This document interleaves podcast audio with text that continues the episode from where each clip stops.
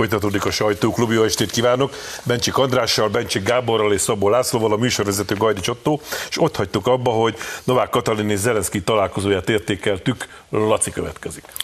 Igen, a kárpátaljai magyarokról beszélt András sokat helyesen, és én is innen indítanék. Szóval, hogy azért kell ezt a háborút Minél hamarabb a tűzszünetet minél hamarabb meghozni, vagy meglépni, és aztán pedig, aztán pedig a háborút úgy, ahogy van befejezni, mert oda fogunk tartani, hogy erről a mondatról nem lesz értelme beszélni. Nem lesz kárpátai magyarság. Hát egy jelentős része elmenekült már onnan, egy része meghal a fronton, a harmadik része meg fölmorzsolódik az ukránoknak a, a nyomás alatt.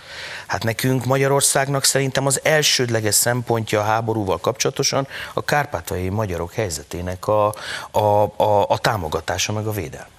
Hát ezért helyes, hogy Novák Katalin úgy megy mindig Kievbe, helyesen, ezt tegye is mindig így, hogy te megáll szépen Kárpátalján. Ennek van egy kommunikációs üzenete, meg van egy politikai üzenete. Hát ő onnan rugaszkodik neki egy kievi ö, ö, beszélgetésnek. Nem tud máshonnan neki rugaszkodni, mint onnan, hogy azok az emberek, azok, azokért mi felelősséggel tartozunk. És, és hát már nem is tudom, hát a felük, fele lassan, ha egyharmada biztosan a kárpátai magyaroknak elmenekült ö, ö, ö, a szülőföldjéről. Drámai helyzet van ott. A, a pápa ügye is szerintem érdekes vagy izgalmas kérdés, mert ugye az, az, az még az a diplomácia rejtelmeiben járatlanoknak is világos, hogy ott valami a Szentszéken készülődik békeügyben. Ugye maga a pápa is beszélt erről, elég sejtelmesen, elég szűkszavúan, de megemlítette, mikor a magyarországi látogatásáról ment haza. Nyilván Novák Katalin sem véletlenül megy Kievből egyből ö, ö, Rómába és fűzi tovább a szálakat. Én nagyon bízom benne, hogy a Vatikán, amelyiknek a politikai álláspontja az osztja a magyar politikai politikai álláspontot, és viszont a háború kapcsán annak sikerül kikényszerítenie valamilyen béke megállapodást. És ebben szerintem nekünk magyaroknak és a köztársasági elnök fellépésének jó, hogyha szerepünk van. Ez távlatosan is hasznos lehet, hasznos lehet Magyarország, Magyarország számára. A közvetlen kommunikációs csatorna az már talán egy másik műsorban beszélgettünk el, ez nekem is nagyon megütötte a fülemet, tehát hogy ez nem is nagyon nem tudom elképzelni, hogy bepötyögték egymás mobiltelefon számát, nem tudom, tehát hogy mi lehetett a közvetlen kommunikációs csak gondolom ez, 2023-ban ez, és az nem jó, hogy ilyen nem volt. Tehát ez valahogy nem oké, hogy hát gondolom, hát azért egy csomó olyan dolog van a háborús körülmények között, ahol, ahol muszáj, hogy egyből kapcsolatba tudja lépni a magyar köztársasági elnök az ukránnal, és ugye a magyarországi ukrán nagykövet kapcsán mondta Novák Katalin hivatala, hogy hat alkalommal kezdeményezte, hogy tudjon beszélni, és nem sikerült. Tehát hogy van ez? Tehát hogy milyen, milyen működés ez ott a Kievben? Ennek kapcsán engedjétek meg, hogy én is elmondjam a véleményemet röviden, ami talán meg fogja nyugtatni az András által említett rossz közérzetű magyar ronfitársainkat is. Az derül ki ebből az egészből, hogy a magyar-ukrán viszony normalizálása az elemi érdeke mind a magyarországi magyaroknak, de különösképpen a kárpátaljai magyaroknak. És ez a látogatás, ez a találkozó az öt pontjával, meg mindenével együtt azt húzta alá, és azt bizonyítja, hogy rajtunk nem múlik. Nem rajtunk múlik. És azt hiszem ennyi a lényeg ebből az egészből. Menjünk is tovább. Mert hogy történnek érdekes dolgok, ha már Ukrajna, ha már háború. Ugye emlékszünk még a Wagner csoport kis pucsára, amikor megindultak Moszkva felé, és már akkor elmondták az elemzők, és hajlottunk erre a véleményre magunk is, hogy Prigozsin aláírta a halálos ítéletét. Ezt ott azon a tájon nem tűrik, hogy valaki tankokkal, meg nehéz fegyverzettel vonuljon a Krem irányába. És hát be is következett két hónappal később egy szörnyű baleset, merénylet, csuda tudja, talán soha nem is fogjuk megtudni az igazságot, de a lényeg az az, hogy tíz emberrel a fedélzetén lezuhant egy magánrepülőgép, amelynek állítólag a Wagner zsoldosok vezére is a fedélzetén volt. Van erről is egy kis bejátszónk, nézzük meg, és utána várom a véleményeteket.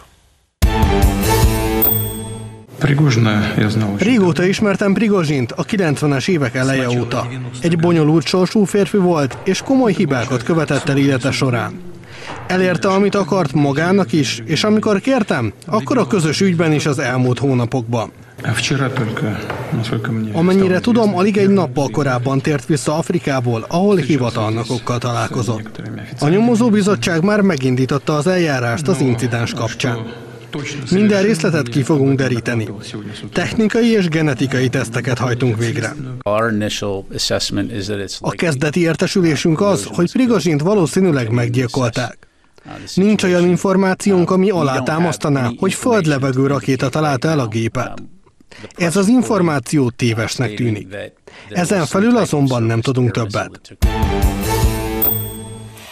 No hát izgalmas innen kezdve, mert minimális tények birtokában elképesztően sok összeesküvés elmélet és ö, fals információ kering a dologról. Ti hogy látjátok? Hát minden és mindennek az ellenkezője is most kering a levegőben.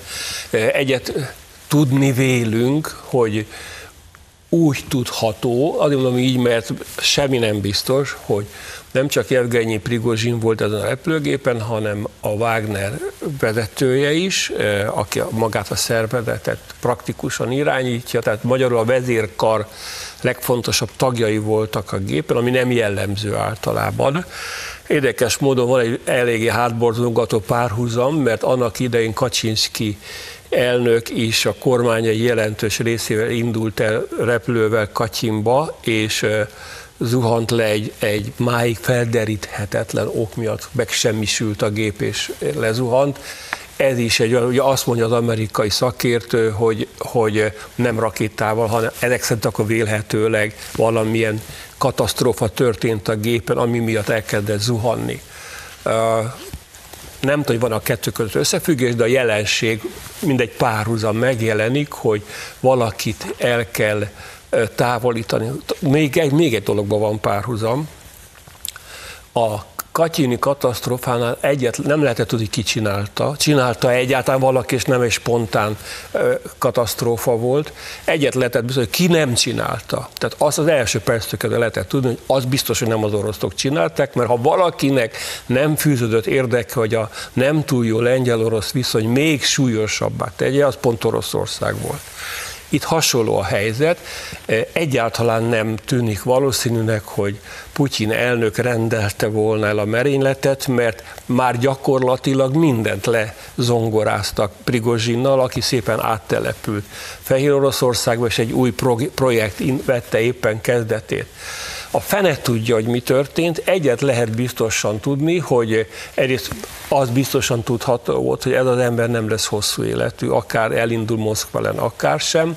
Az is biztosan látható, hogy Amerikával élen az egész világ hihetetlen koncentrációval figyelte ezt a szemét és ezeket a dolgokat, így tehát nagyon-nagyon sok ember um, érdeke mozoghatott ebben a térben, és bár nem tűnik, nem tartozik ide, mégis hadd említsem meg, hogy nemrég az amerikaiak közé tettek egy olyan információt, hogy ők úgy látják, úgy vélik, hogy mégiscsak az ukrán kommandósok robbantották fel a északi áramlat gázvezetéket, ami azért furcsa, mert tehát akkor gyakorlatilag Nyugat-Európa a saját ellenségeit finanszírozza. Ami azért szintén ad egy újabb csavart ennek az egész bonyolult, kaotikus történetnek. Ma reggel hallottam a Kossuth Rádióban egy szakértőt, aki azt mondta, hogy egy Boeing got vagy egy A320-ost föl lehetett robbantani egy kólás dobozba elférő robbanóanyag mennyiséggel ez egy jóval kisebb gép volt, ez csak arra mondom, Igen. hogy bármi történhetett. Most lehet, hogy vitatkozunk Semmi egyet. Van. Lehet. Ö, én azt hiszem, hogyha egy bonyolult, kevés információval megtámogatott eseményt próbál az ember megérteni, akkor első munkahipotézisnek érdemes azt választani, hogy a dolgok gyakran azok, aminek látszanak. Oken borotvája. Szerintem itt is érdemes abból kiindulni, hogy a dolgok azok, amik látszanak.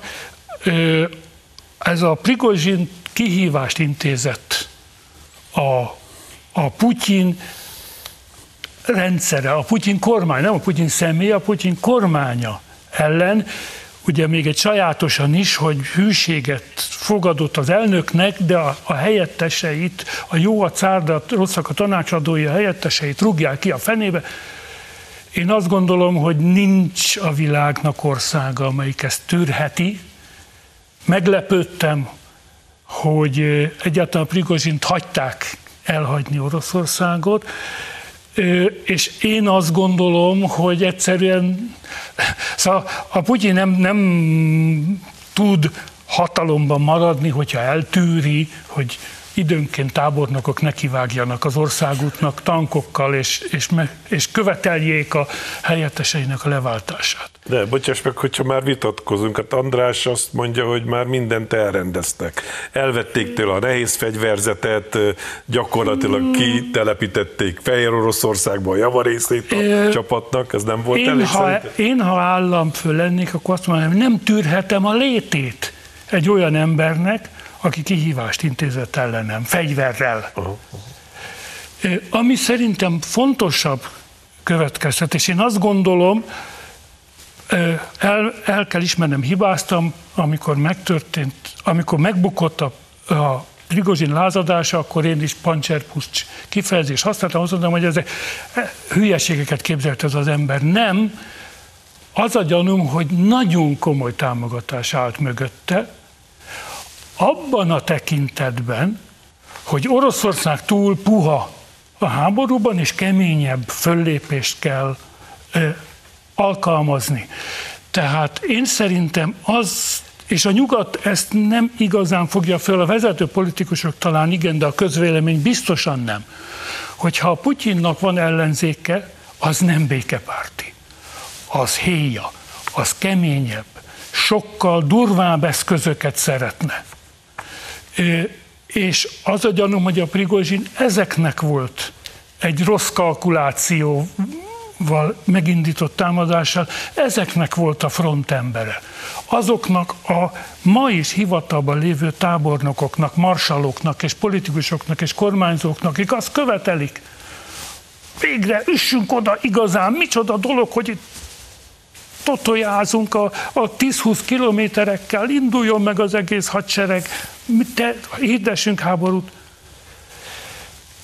Az, azt vélem én, hogy valójában Moszkvában e két erő között zajlik a harc, és én, az én számomra ez újabb, nagyon fontos indok arra, hogy fegyverszünet, fegyverszünet, fegyverszünet, senki ne képzelje azt, hogyha a Putyint megbuktatják, akkor nem rosszabbat kapunk. Uh-huh. Biztosan soha nem fogjuk megtudni a teljes igazságot. Ez nem az a műfaj, ahol a teljes igazság kiderül. A mi szempontunkból egy faktum a fontos, Putyin él, Prigozsin meg halott. Ez a helyzet ehhez a helyzethez kell visszanyúlnunk. És pont azt szerettem volna boncolgatni én is, amit, amit Gábor, hogy Emlékeztek arra a napra, amikor a, ez a bizonyos pucs volt, és vonultak Moszkva felé a, a Wagner erők, és olvasgattuk a különböző közösségi média felületeken, meg itt-ott, hogy micsoda emberek kezdenek el szurkolni Prigozsinnak hirtelen, hogy, hogy, hogy de akkor biztos vége a háborúnak, hogyha ő eljut Moszkváig, meg nem tudom micsoda. Hát csak rosszabb lett volna. Hát ez, egy, ez, ez a fickó tényleg egy, a, a, a szélsőségek szélsőség szüksége. Tehát ha ő kerül hatalomra, vagy az ő mögött álló politikai vonal kerül Oroszországba hatalomra, a háború tekintetében csak rosszabbul járunk, mint ahogy most vagyunk. Putyin nem egy bárány. Putyinnal, hogy mondjam, tehát azért az ő, vannak neki is dolgai, nem kevés, és látjuk, hogy azért hogyan, hogyan építette föl azt a, azt, a, azt a rendszert Oroszországban, amit felépített. De hát őt, őt, őt legalább ismerjük, ott legalább nagyjából értjük, hogy, hogy hogyan működik. Az a káosz, ami kialakult volna, hogyha Putyin megbukik, ráadásul egy pucsáltal, hát azt a káoszt se Oroszországnak, se a világnak, se magunknak nem kívánhattuk volna. És még egy dolog talán, hogy a Wagnert azért is kellett kézbe vennie, vagy visszavennie Putyinnak, mert a Wagner az nem csak a Ukrajna tekintetében fontos ügy neki, hát a Wagner az Afrikában jelen van, Latin Amerikában jelen van, az orosz érdekszférának a, a gazdasági, politikai, katonai bővítésének az eszköze. Most hagyjuk azt, hogy milyen ország is az, ahol magánhadseregekkel csinálják ezt, bár nem Oroszország az egyetlen, magánhadseregeket alkalmaz ilyen, ilyen tekintetben, mondjuk éppen az Egyesült Államok is, de ez most egy, az egy másik beszélgetés lenne. Tehát ezt nem tehette meg Putyin, hogy a Wagner az, az nem az ő befolyási övezetében van, hanem, hanem, hanem az elkezdett lázadozni. Hát mi van akkor Nigerrel, mi van Venezuelával, mi van Csáddal, a közép-afrikai köztársasággal? Hát ezeket nem engedheti el egy Oroszország méretű hatalom. Mikor szóba kerül a Prigozsini, mindig el szoktam mondani, hogy emlékezzünk vissza azokra az időkre, amikor volt egy pillanata Ukrajnában Bakhmut ostromának, amikor nagyon föl volt háborodva a Prigozsin, mert nem kap elég lőszert, hogy ott behajtják az embereit a vágóidra, de nem kap elég segítséget a reguláris erőktől, ez, az odáig fajult ez a, ez a fölháborodás, vagy ez a hisztéria, nem is tudom mi a jó szó rá, hogy még olyan hír is napvilágot látott, mint hogyha fölajánlotta volna Kievnek, hogy átáll csak aztán Kiev ezt meghatározottabban visszautasította, és így ez a hír elhalt. De minden esetre jól mutatja azt, hogy minden ilyen magánhadseregnek előbb-utóbb az a sorsa, hogy többet kezd el képzelni magáról, mint amennyit ér, és föllázad azok ellen, akik eddig létrehozták, etették és ellátták mindenféle munícióval. Szabad még egy mondatot, Olyan. mert rá, rá szeretnék erősíteni még egy dologra, amit, ami már elhangzott, de azért amit, amit, amit azért végig kéne gondolnunk. Tehát azt a, bocsánat, dilettantizmust, hogy a Wagner teljes vezérkara fölül egy repülőgépre, az a dilettantizmus azért nehezen érthető. Sokan ezt el sem hiszik. E, igen, tehát, hogy ez, ez, tehát az, az, az azért ezek harcedzett emberek. Igen. Láttak már mindent. Hogy a teljes vezérkar egy magánrepülőgépen Moszkvától nem tudom 200 kilométerre a szovjet légelhárítás, a szovjet orosz légelhárítás radarernyőin repkedjen, hát ez valami egészen, hogy mondjam. Akkor én is hadd tegyek hozzá egy gondolatot. Csak gyorsan, mert így Elfogadva, amit mondtál Gábor, hogy most szinte mozaikokat rakunk egymás mellé, nem tudván, hogy melyik, melyik van közelebb a valósághoz. Azt mondja Putyin elnök, hogy Prigozsin tegnap jött haza Afrikából. Minnyáján tudjuk. Nigerben a Wagner tevőlegesen segíti a pucsot kikergették azt a garnitúrát, amelyik a nyugattal barátkozik. A probléma az, Nigériából Nigeren át megy északra egy olyan gázvezeték, amelyik élethalál fontos a nyugat-európai gazdaság számára. És Kerek Perez megmondták az oroszok, hogyha arról van szó, elzárják ezt a gázvezetéket. A Prigozsin ott tárgyalt, majd hazarepül Moszkvába, és meghökkentő hirtelenséggel vedékkal együtt elhalálozik. Ebben mindenki azt gondol, amit akar, de ez is egy tény. Így van. No, az is egy tény, hogy eltelt a műsorideje ennek a résznek, úgyhogy elmegyünk egy rövid kis szünetre, nézőinket pedig várjuk vissza, utána folytatjuk a sajtóklubot.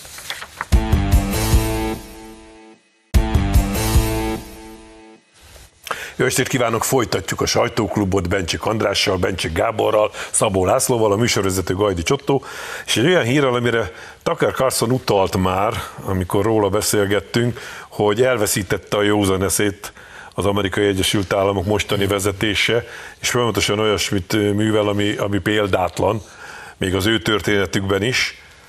Most például az a hír, hogy letartóztatták Donald Trumpot így ő lett az első olyan volt amerikai elnök, akiről körözési fotó készült, és minden, ami egy ilyen esettel járna. Ezt ti hogyan értékelitek? Sőt, ugye a hír szerint bevonult a börtönbe, feladta magát, bevonult a börtönbe, ahol rabosították, majd óvadék ellenében elengedték. Azt kell mondjam, hogy ez a világ szégyene. Tehát amerikai demokrácia meghalt, ez egy katasztrófa, szörnyűséges tragédia. Ha van igazság, ugye Orbán Viktor azt mondta, hogy vigyázzunk az igazság, a realitással, jobb, jobb a realitás, de ha van igazság, akkor ő lesz a követ, ismét ő lesz az amerikai elnök, mert ilyen arcátlanul pimasz, gyalázatos dolgot művelni a, a politikával, a közösséggel, a demokrácia, mint Amerikában művelnek egy egy bűnszövetkezet, ezt nem lehet. Én vettem a fáradtságot, elolvastam a Trump elleni vádakat. Az, hogy minimum, hogy röhelyes, az, az, az, az, az evidens. Az egyik vád, az egyik legsúlyosabb vád az, hogy nem tetszett neki a választás eredménye, és a, és a kifogásainak hangot is adott. És akkor, mondja, és akkor mi van? Szerintem. Sőt, azt is mondta, hogy szerinte csalás volt. Szerintem is. Úgyhogy nem is megyek Amerikába, mert nyilván be, Majd becsuknak. úgy becsuknak a... Már először vízumot se kapsz nyugodtan. ha kapnék vízumot, mennék a georgiai börtönbe, mert szerintem is rohadt nagy csalás. Amúgy egyébként a 10 millió magyarból legalább 5-6 millió tutira be lehetne börtönözni, mert akik nézték azt a közvetítést, az amerikai elnök, amikor a halottak egyszer csak fölt feltámadtak és elmentek szavazni, azok mind azt mondják, hogy fú, ez úgy büdös, ahogy van. De nem is az az érdekes, hogy kinek van igaz. Volt csalás, nem volt, nagy csalás volt, kis csalás volt.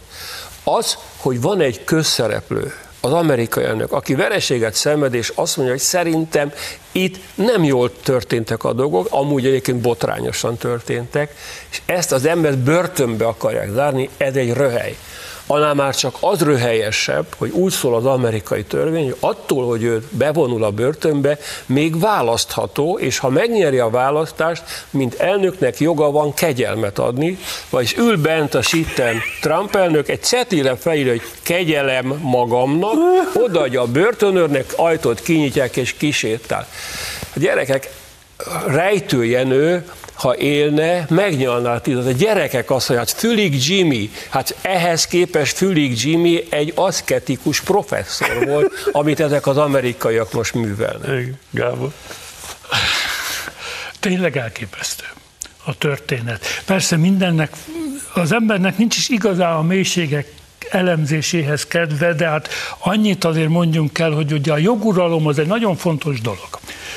Az ókor óta a rómaiak elkezdték azt, hogy a, az országok rendszerét a jogra alapítják, és ennek gyönyörű iskola példáit tanítják az egyetemeken, hogy ugye más a jog és más az igazság, és a jog megelőzi az igazságot.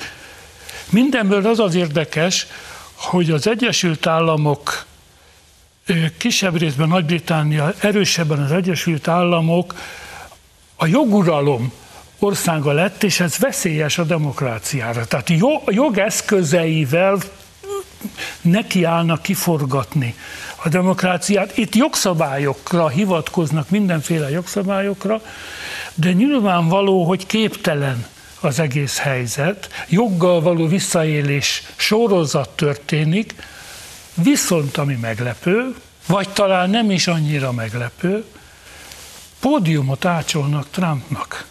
Ha figyeli az ember a republikánus jelöltek versenyét, futottak még.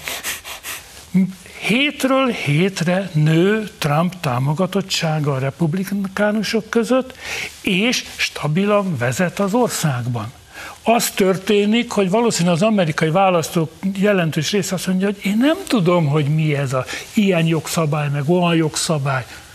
De az eszem megáll, mondja a Joe a feleségének, hogy te Méri, hát ez hülyes, ilyen nincs. Hát ó, milyen ország lett a miénk?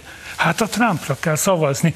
Igaz, hogy egy nagy hóhányó, igaz, hogy elképesztő dolgokat képes belemondani a televízióba, ugye a Carson is emlegeti, hogy szemrebben és nélkül egymilliósnak nevezi azt a gyűlést, ahol százezren voltak. Na de hát ilyen nincsen. Most úgy tűnik, én nem voltam teljesen boldog, amikor úgy nézett, hogy a Trump újra indul. Ennél egy megfontoltabb elnökjelöltet álmodtam Magyarország De mondtátok Tucker carlson induljon. De most úgy néz ki, hogy ez a, megemeli ezt a pasit, aki egyébként elképesztően ütésálló, lepereg, de a leggusztustalanabb és legkörmönfoltabb vádak, és úgy úgy rázza le magáról, mint a kutya a vizet, még a végén tényleg megnyeri a választásokat. Nem, két dolgot kell látni. Az egyik azt, hogy a, a, a magyar és általában az európai közjogi rendszerekben és az ebből fakadó társadalmi gondolkodásban az ügyészség az egy független szervezet. Magyarországon is a ügyészség nem egy politikai szervezet, az egy független szervezet. Az Amerikai Egyesült Államok jogrendszerében az ügyész, az államügyész és a mögötte lévő ügyészi rendszer az egy politikai szervezet. Nézd, utána lehet nézni, hogy hány republikánus főügyésze volt eh, az Egyesült Államoknak, meg hány demokrata, meg az egyes államokban az ügyészek azok republikánusok vagy demokraták. Volt egy időszak az amerikai történelemben, amikor közvetlenül választották választották az ügyészeket, tehát kifejezetten egy politikai kampány után választhattak, lehetett valaki ügyész. Tehát az ügyészségi eljárás az Egyesült Államokban az egy politikai eljárás is. Ez az egész Trump ügy nem szól másról, mint már a jövő évi amerikai elnökválasztásról szól. Ez egy politikai eszköz a, a, a, a demokraták kezében is, és egyébként, ahol meg republikánus ügyészek vannak, ott meg a republikánusok kezében. Tehát teljesen más logikán működik a, az ügyészségi rendszer, és az ügyészségből aztán fakadó rendőrségi eljárások, hiszen itt ugye arról van szó, hogy az ügyészség utasította a rendőrséget, hogy, hogy járjon el Trump ügyében, akinek muszáj volt bevonulni, meg különben elfogadási parancsot adtak volna ki ellen, ezt nyilván nem akarta vállalni. Az a fotó az azért nagyon kif kifejező, nem? Tehát, hogy és azért ez egy tipikus média szereplő, jó média szereplő fotója, tehát az összeráncolt homlok, azért nem tudom micsoda, na mindegy. A másik dolog az meg tényleg az, hogy Szerintem a demokraták azt gondolják, hogy nekik Trump ellen van a legjobb esélyük, és ezért emelik Trumpot. De erre már egyszer ráfaszt. Igen erre már egyszer ráfáztak.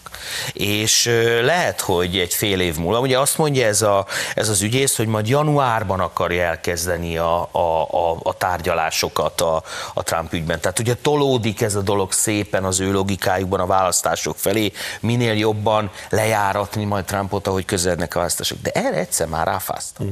Ez a dolog egyszer már nem jött be. Nem tudom, hogy most. Laci erősítendő, még annyit tenni ehhez hozzá, hogy amerika szakértők elmondták, hogy ezek a feljelentők, meg eljárást indítók talán nem is akarják igazán, hogy bármelyik eljárásnak vége is legyen. Nem, nem ez érdekli de, őket, csak hát ki akarják vonni jó. az erőforrásokat Persze. a kampányból Trump oldalán, hogy ne a kampányjal foglalkozzon, ne arra tudjon költeni, hanem a pereivel foglalkozzon. Itt egy fontos, sok szó esik Amerikáról, ez is egy fontos tényező, hogy a jog és a pénz meghatároz az amerikai politikában. Források nélkül nem létezik politikusi pálya, de itt törököt fogtak a demokraták, mert a Trumpnak elképesztően sok pénze van. Tehát kiszállítani a tavat nem fog sikerülni. Van pénz. És még, ha szabad egy adalék, Trump személyéhez közvetlenül többek között egyszer, nem egyszer, többször elmondta, ha ő lesz az elnök, 24 órán belül békét teremt Ukrajnában. Vagyis lehet itt különböző béke kezdeményezéseket, de minnyáján tudjuk, amikor a római pápa elmegy Washingtonba, másnap béke lesz Ukrajnával, mert ezt a háborút nyilvánvalóan minnyáján tudjuk, ezt Washingtonból vezénylik, illetve Moszkvából. Tehát Washington és Moszkva között lesz majd a béke megteremtve. Ő azt mondja, hogy ő megcsinálná ezt egy nap alatt.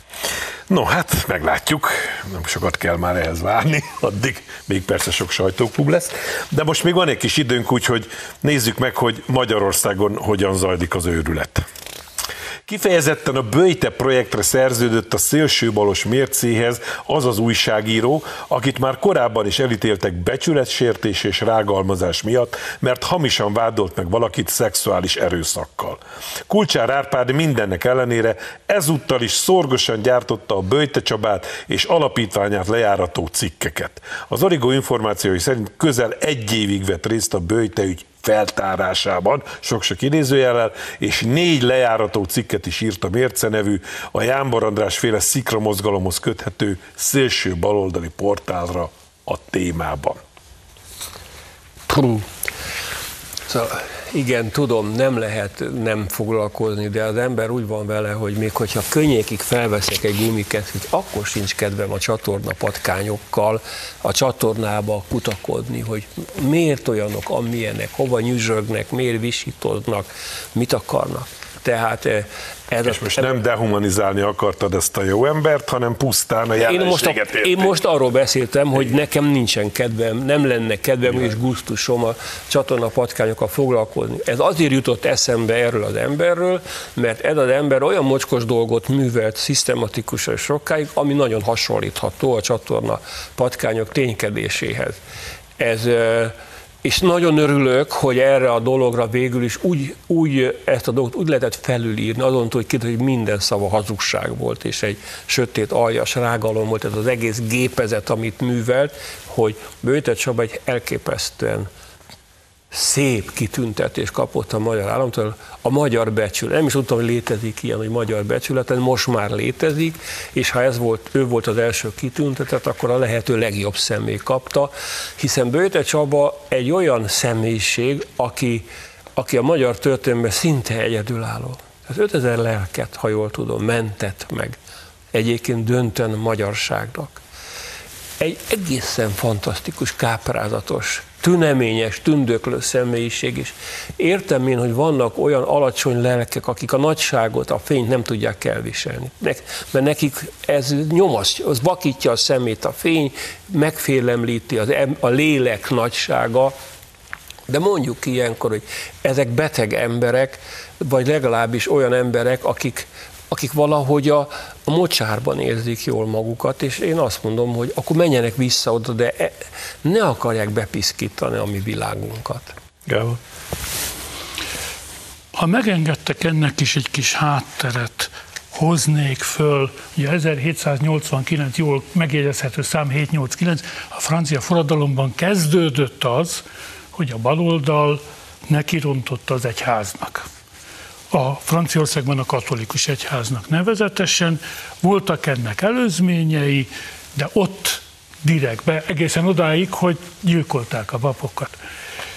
Azóta a baloldal, ami, ami most már össze, össze bútorozkodott a liberalizmussal, ezzel a furcsa eltorzult, mert azt kell mondani, eltorzult liberalizmussal, ami ma van, ellenség célterületnek tekinti az egyházat. És Magyarországon is szakadatlanul jelen pillanatban is az ellenzéki pártok tulajdonképpen ellenséges célterületnek tekintik a elsőrendűen a katolikus egyházat, de a többi egyházakat is. De hogy ez mennyire ostoba politika, azt, azt, azt, szóval ez egy nagyon ostoba politika, mert Magyarország visszakanyarodva a miniszterelnök beszédére, arról beszélt, hogy ez egy keresztény ország. Carlson is arról beszélt, hogy egy keresztény ország, ami nem azt jelenti, hogy a többség rendszeresen templomba járna, de jelent egyfajta értékrendet, és jelent egyfajta tiszteletet az egyházi személyiségek ellen. És amiről már többször szó esett, egy jó politikus a saját szavazó táborán túlmenő körben is igyekszik rokonszenvet kelteni, olyan ügyeket fölkarolni, amik, ö, amik ö, vonzóak egy nagyobb kör számára. Az egyház iránti tisztelet, az egyházi személyek iránti tisztelet bővebb kör, mint a, a jelenlegi kormánypártok szavazóbázisa, ostoba módon az ellenzék, mert nem ez a, ez a megfizetett ember itt az érdekes, aki a gyalászkodó cikkeket megírta, hanem azok az érdekesek, akik ennek hátországot adtak. Az ellenzék Bőte Csabán keresztül is próbálta lejáratni a jobboldali gondolkodást, és természetesen kontraproduktívá vált, egyrészt azért, mert hazudtak, másrészt azért, mert az emberek tisztelik megbecsülik az egyháznak a munkáját még az esendőségével együtt is, Jó. és elegük van abból, a pedofil papozásból, elegük van, hagyjátok már ezt békén, hagyjátok már ezt abba, mi tisztelettel akarunk tekinteni erre a, az egész eszmevilágra és ezekre az emberekre, és ez fordult most látványosan ő ellenük. Még a magyarokat nem túlságosan kedvelő román hatóságok is megállapították, hogy Bőjte Csaba semmiféle felelősséggel nem viseltetik mindazon cselekedetek iránt, amik ott előfordultak hébe-hóba egyik-másik intézményében. Úgyhogy nagyon fontos, amit mondtál, még esendőségével együtt is nagyobb a tisztelet, mint ezek iránt a figurák iránt, akik le akarják járatni. Saját magán túlmutató ügy ez, mert, mert Böjte Csaba egy szimbólum, és én érteni vélem, hogy ők ezt a szimbólumot szerették volna lerombolni. Mindent képvisel Böjte Csaba, ami azon az oldalon, ami azon az oldalon utálatos és elpusztítandó. Ö, erdélyi ember, egyházi ember, a polgári nemzeti konzervatív oldalhoz köthető ember. Azt gondolták, azt vélték, hogy ha őt szétlövik, ha őt lerombolják, akkor azzal egy óriási bástyát ö, ö, ö, rombolnak le ö, ezen az oldalon. És, és, és ezért fordítottak rá ekkora energiákat, és ezért fordítottak rá pénzt, felületet, sok mindent. És, és azt kell, hogy mondjam, hogy óriási elégtétel, hogy ez nem csak, hogy nem sikerült, hanem hogy ki is derült, hogy milyen ocsmány módon zajlott ez az egész történet. És, és minden, ami, ami emögött van, az az, amit az a rombolás, züllesztés, már-már azt mondtam, hogy kultúrája, de azzal a kultúra szót szégyenítenénk meg, szóval a rombolás, züllesztés, mocsora, amitől, amitől nagyon-nagyon távol kell tartanunk magunkat, és minden alkalommal meg kell egyébként mutatni ezt a mocsarat, annak érdekében, hogy a lehető legtávolabb kerüljünk tőle, és, és még véletlenül se, se mocskolódjunk benne, és tényleg csak gumikesztyűvel, távolról nézve, befogott orral. És, nekem és nagyon, nagyon tetszett vagy. Csaba testvér reakciója. Van ennek a mocsárnak egy másik lakója is, ráadásul még erdélyi, úgy hívják, hogy parászka boróka.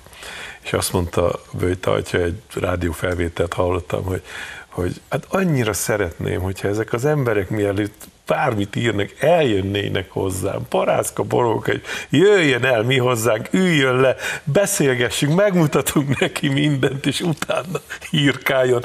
Úgyhogy azt gondolom, hogy ez úgy mindent összefoglal erről az egész jelenségről. Viszont azt is gondolom, hogy itt most véget kell vetnünk a beszélgetésünknek, mert lejárt a műsoridőnk. Nagyon köszönöm nektek, hogy eljöttetek köszönöm. és mindenről elmondtátok a véleményeteket. Nézőimnek nagyon köszönöm a megtisztelő figyelmet. Jövő héten is lesz sajtóklub, addig is nézzék a hírtelevíziót a viszontlátásra.